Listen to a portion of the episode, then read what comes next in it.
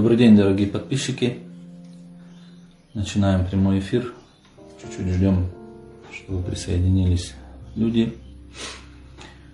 Сегодня хотел бы прочитать одно письмо, связанное с таким печальным событием, как смерть ребенка.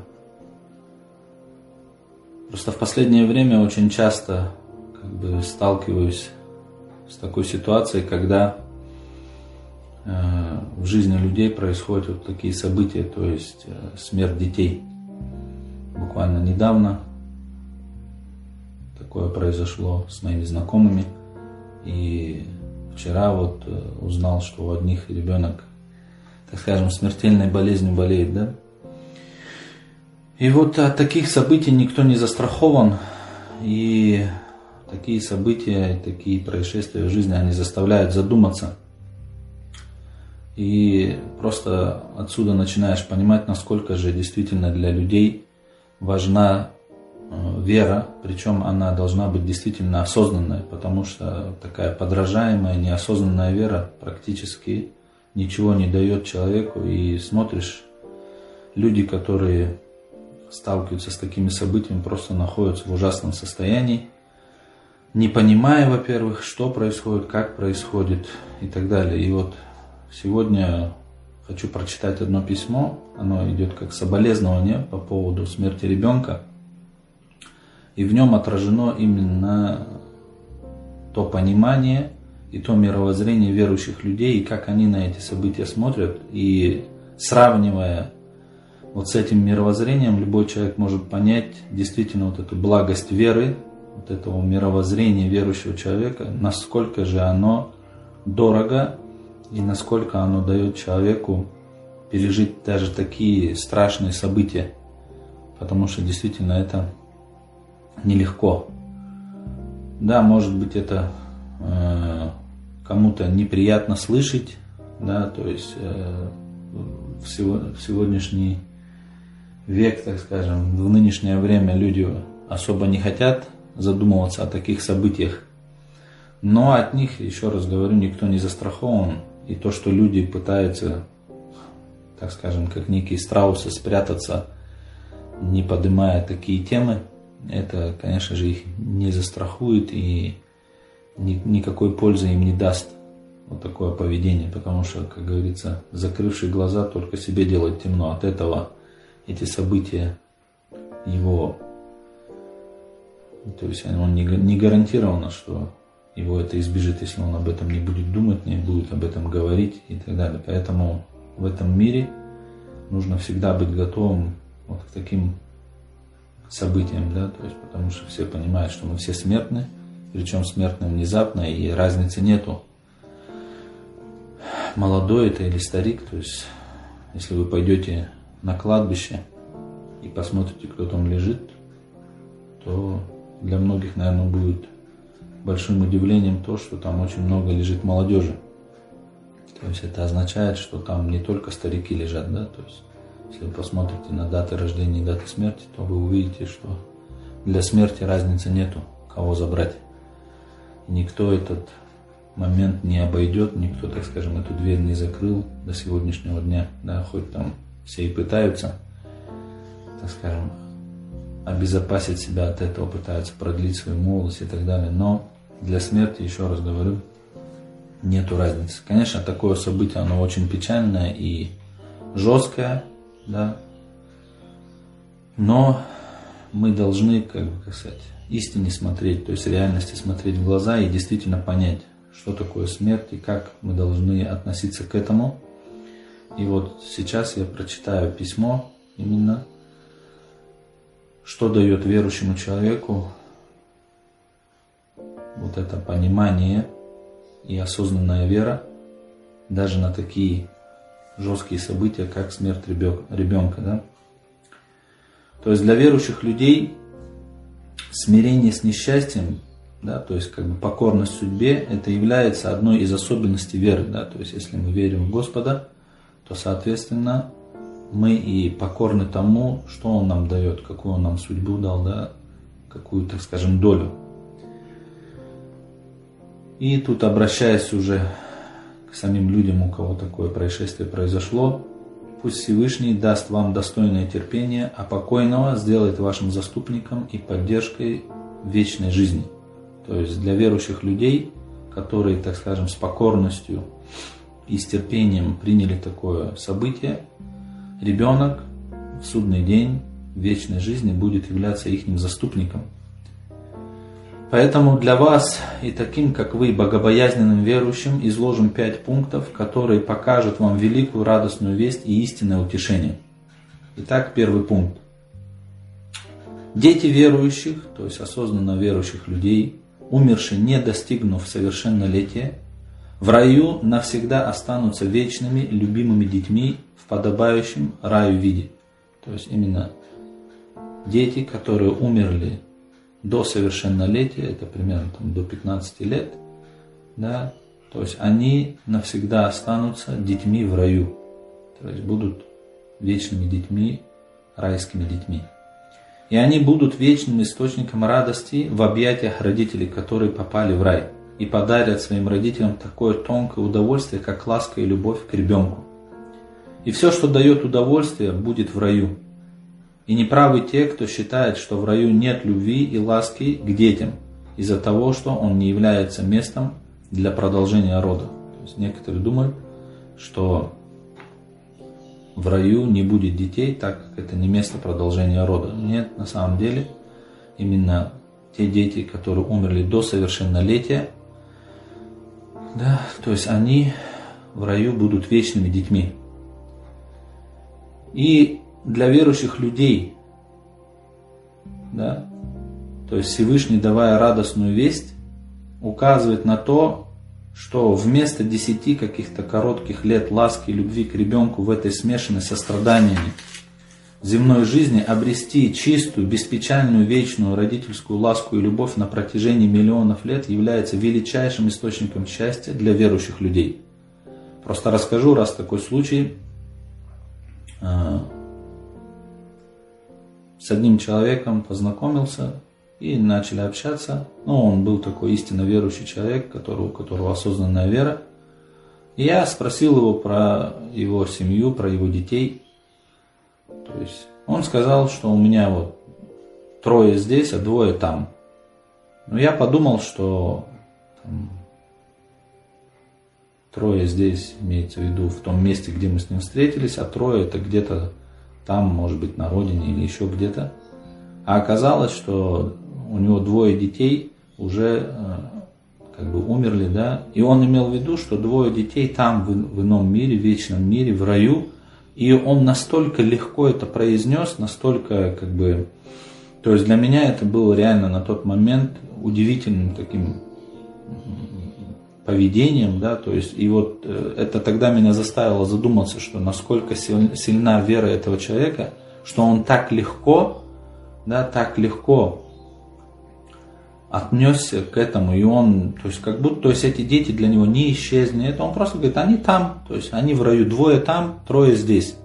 То есть и так это было как бы, ну, естественно для него и легко, что просто я вот, ну, реально на тот момент у меня был такой как бы некий шок. А потом я понял, да, когда я начал тоже развивать свою веру, когда действительно для меня вечный мир не стал чем-то просто там призрачным, а когда я действительно понял, что существует вечный мир и что есть рай – я понял, что действительно для верующих людей, да, их дети, которые умерли до совершеннолетия, они будут вечными детьми в раю.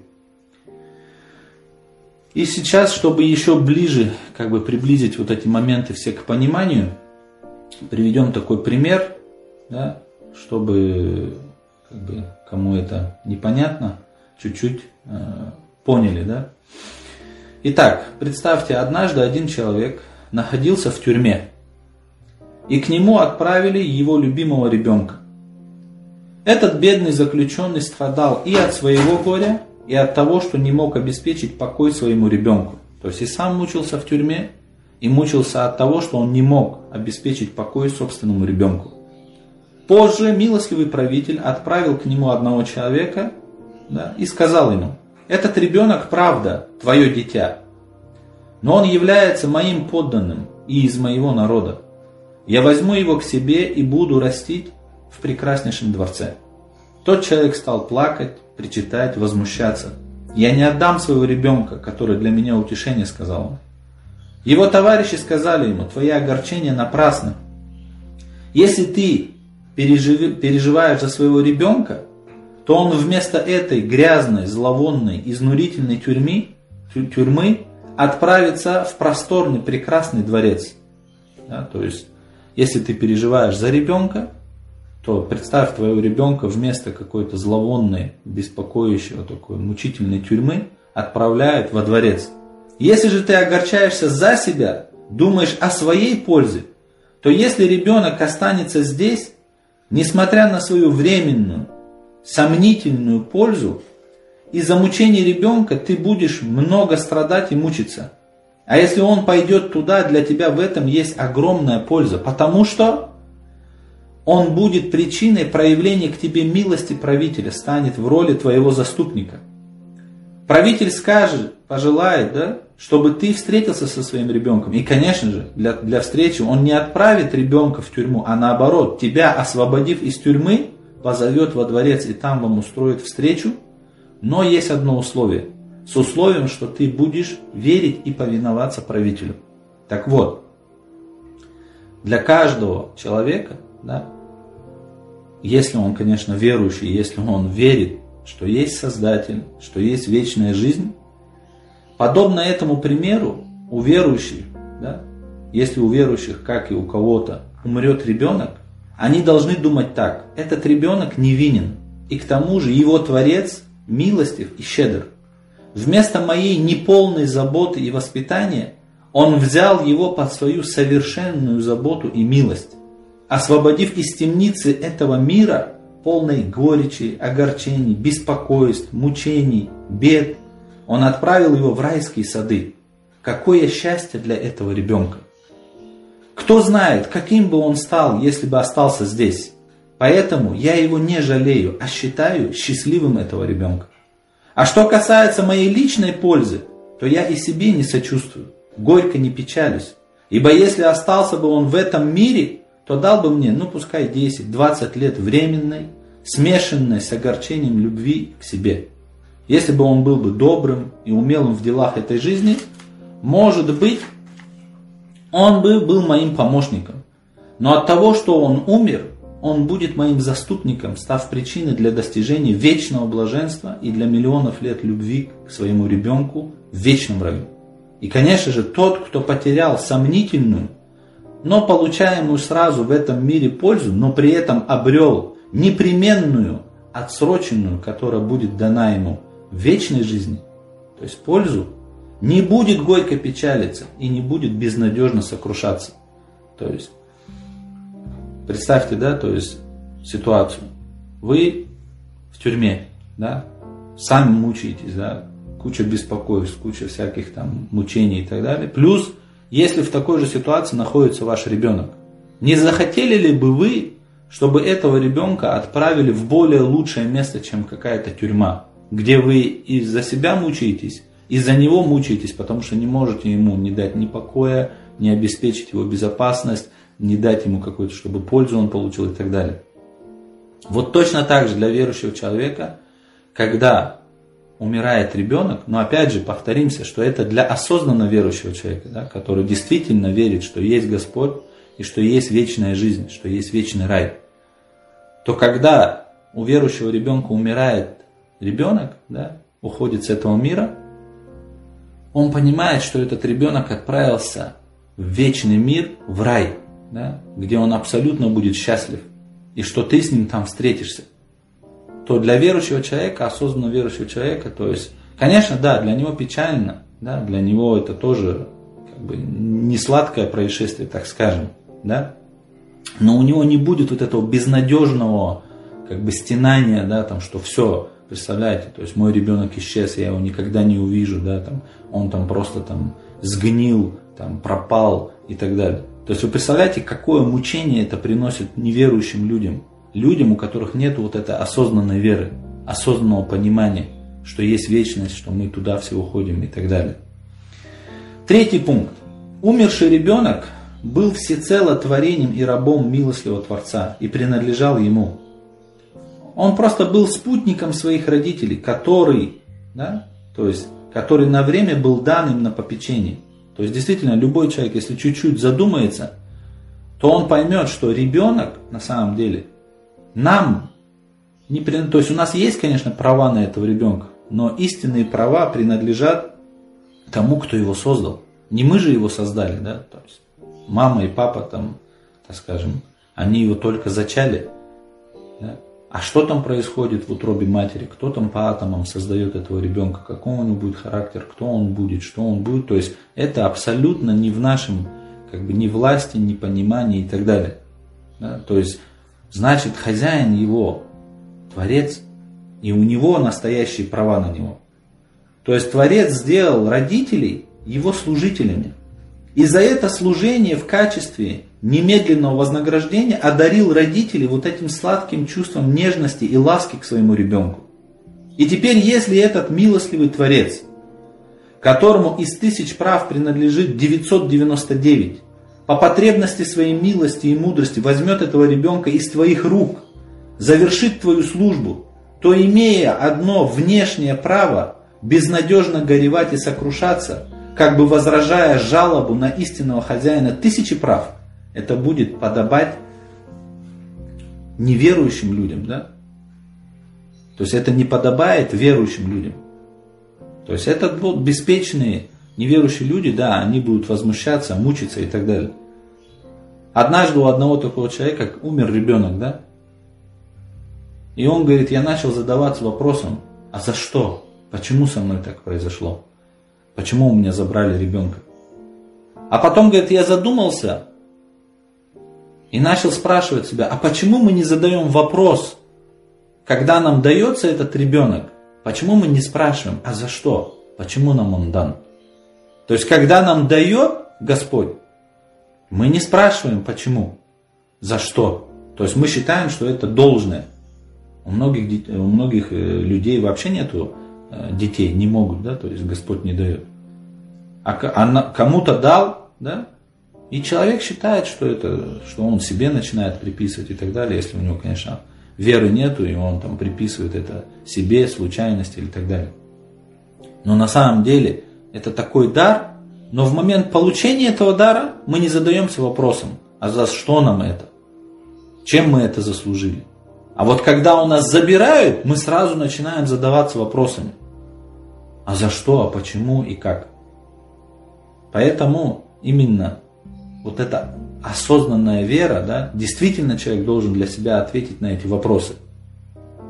Есть ли Создатель и есть ли вечная жизнь? И тогда от этого меняется вот этот вопрос смерти. То есть для неверующих человек, э, человека, да, для неверующих людей смерть это мрак, исчезновение, небытие, гниение и все. А для верующих людей это просто переход в иной мир – да? То есть смена места пребывания. Точно так же, когда-то мы были в утробе матери, потом мы сменили место пребывания в этот мир, и потом дальше пошли в иной мир.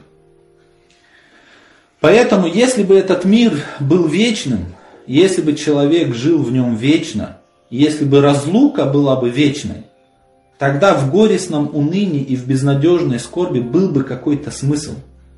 Но поскольку этот мир является гостиницей то туда, куда отправился умерший ребенок, и мы, и вы тоже отправимся. И к тому же эта смерть не касается лишь только этого ребенка.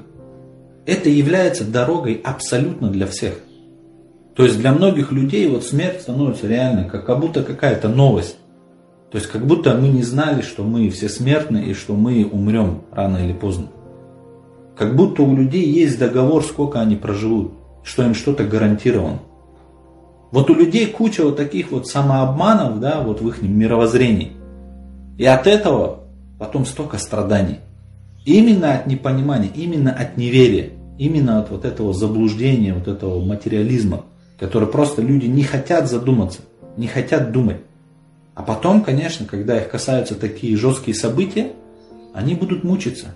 Причем мучиться так, что это полностью отравит всю их жизнь. И я много знаю таких примеров, которые вроде бы была счастливая семья, все было хорошо, был ребенок, бизнес, счастливая семья, бах, ребенок умер. И все, семья распалась, никакого счастья, постоянные стрессы, какие-то мучения и так далее, и так далее. Почему? Потому что не было веры, не было осознанной веры. Так вот, к тому же эта смерть не касается лишь только его, этого ребенка, а является дорогой для всех. И поскольку и разлука не является вечной, и в будущем, в потустороннем вечном мире, в раю, будет встреча. И поэтому нужно говорить на все воля Господа. То есть для верующих человека, да, у него есть печаль, но печаль именно из-за того, что он временно расстался со своим ребенком. Но он знает, что он его ждет, и он что с ним обязательно встретится. Поэтому у него нет безнадежного какого-то страдания, стенания, там, возмущения и так далее. То есть на все воля Господа Он дал, Он же и взял. Поэтому хвала Богу в любом состоянии и с терпением благодарить Творца нужно. Еще один пункт. Милосердие, являющееся самым нежным и прекрасным, самым приятным и сладким из проявлений божественной милости, представляет собой некий лучезарный эликсир. Оно намного чутьче любви и дает быстро прийти к Всевышнему. То есть у большинства родителей именно к своему ребенку, помимо любви, самое сильное чувство, особенно у матери, это именно вот это милосердие. Да? которая не требует ничего взамен. Любовь, она требует взаимности. А вот милосердие, оно не требует взаимности. Поэтому именно через вот это чувство, да, через вот это чувство милосердия можно очень быстро прийти к Господу, то есть понять. То есть, например, ложная мирская любовь, пройдя большие препятствия, переходит в истину, проходит к Господу так и милосердие, но уже беспрепятственно, быстрее и легче дает сердцу обрести Господа. Потому что отец и мать любят свое дитя как весь мир. Да, то есть они вот этого ребенка любят как весь мир. Когда они лишаются своего ребенка, если они счастливы, если они истинно верующие, они, отвернувшись от этого вот этого бренного мирской жизни, да, то есть вот этого мира, они обретут истинного Господа. То есть они поймут на самом деле, кто им дал, и кто у них забрал, да, и где их ребенок. Они скажут так, поскольку этот мир бренный, он не стоит того, чтобы связывать с ним свое сердце. У них проявится связь с тем миром, куда ушел их ребенок. Они обретут высокое духовное состояние. Беспечные и заблудшие люди лишены благополучия и радостной вести, которые содержатся в этих пяти пунктах истины, да, которые мы прочитали. Просто посудите сами, насколько горестно их состояние, когда они видят своего милого, очень любимого, единственного ребенка в предсмертной агонии. Из-за своей беспечности или заблуждения, видя смерть в виде небытия и вечной разлуки, да, они что, просто мучаются. И поэтому вместо мягкого ложа они представляют грунт могилы. Они не думают о том, что есть рай милостливого Господа да? и что этот ребенок попал в рай.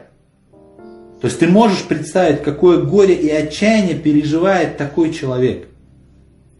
Однако вера, да, вот осознанная вера, являющаяся средством для достижения счастья в обоих мирах, и в этом, и в ином, они скажут верующему человеку, милостивый Творец этого ребенка, находящегося при смерти, освободив его из этого скверного, бренного мира, ведет его в рай и сделает его твоим заступником и вечным ребенком.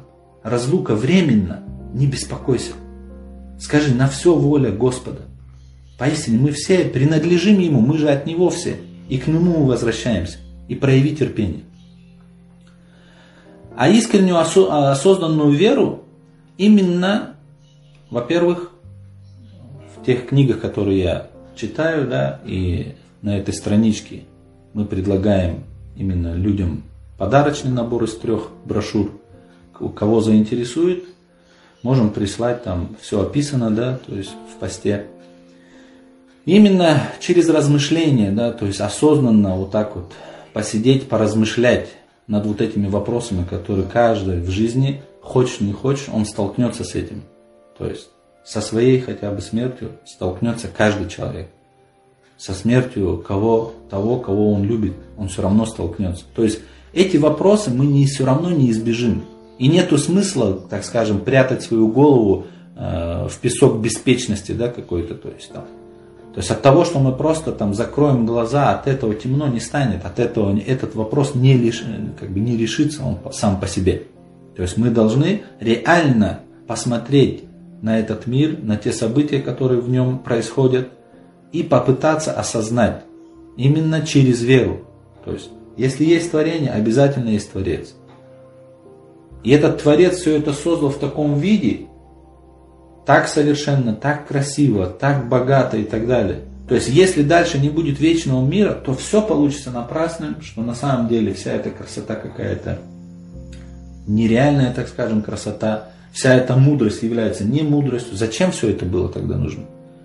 То есть, вот эти все вопросы, именно мы будем все равно затрагивать, и в эфирах я это, да, то есть записи посмотрите. То есть там потихонечку, потихонечку именно вот такие уроки, которые именно развивают вот такую осознанную и искреннюю веру. И поэтому не нужно прятаться за, так скажем, вот за какой-то беспечностью и думать, что там, да, меня как-то это минует. Не минует. Эти вопросы, они касаются всех по-любому.